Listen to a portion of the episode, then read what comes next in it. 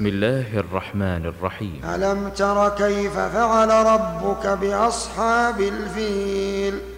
ألم يجعل كيدهم في تضليل؟ وأرسل عليهم طيرا أبابيل. ترميهم بحجارة ترميهم بحجارة من سجيل. فجعلهم كعصف مأكول.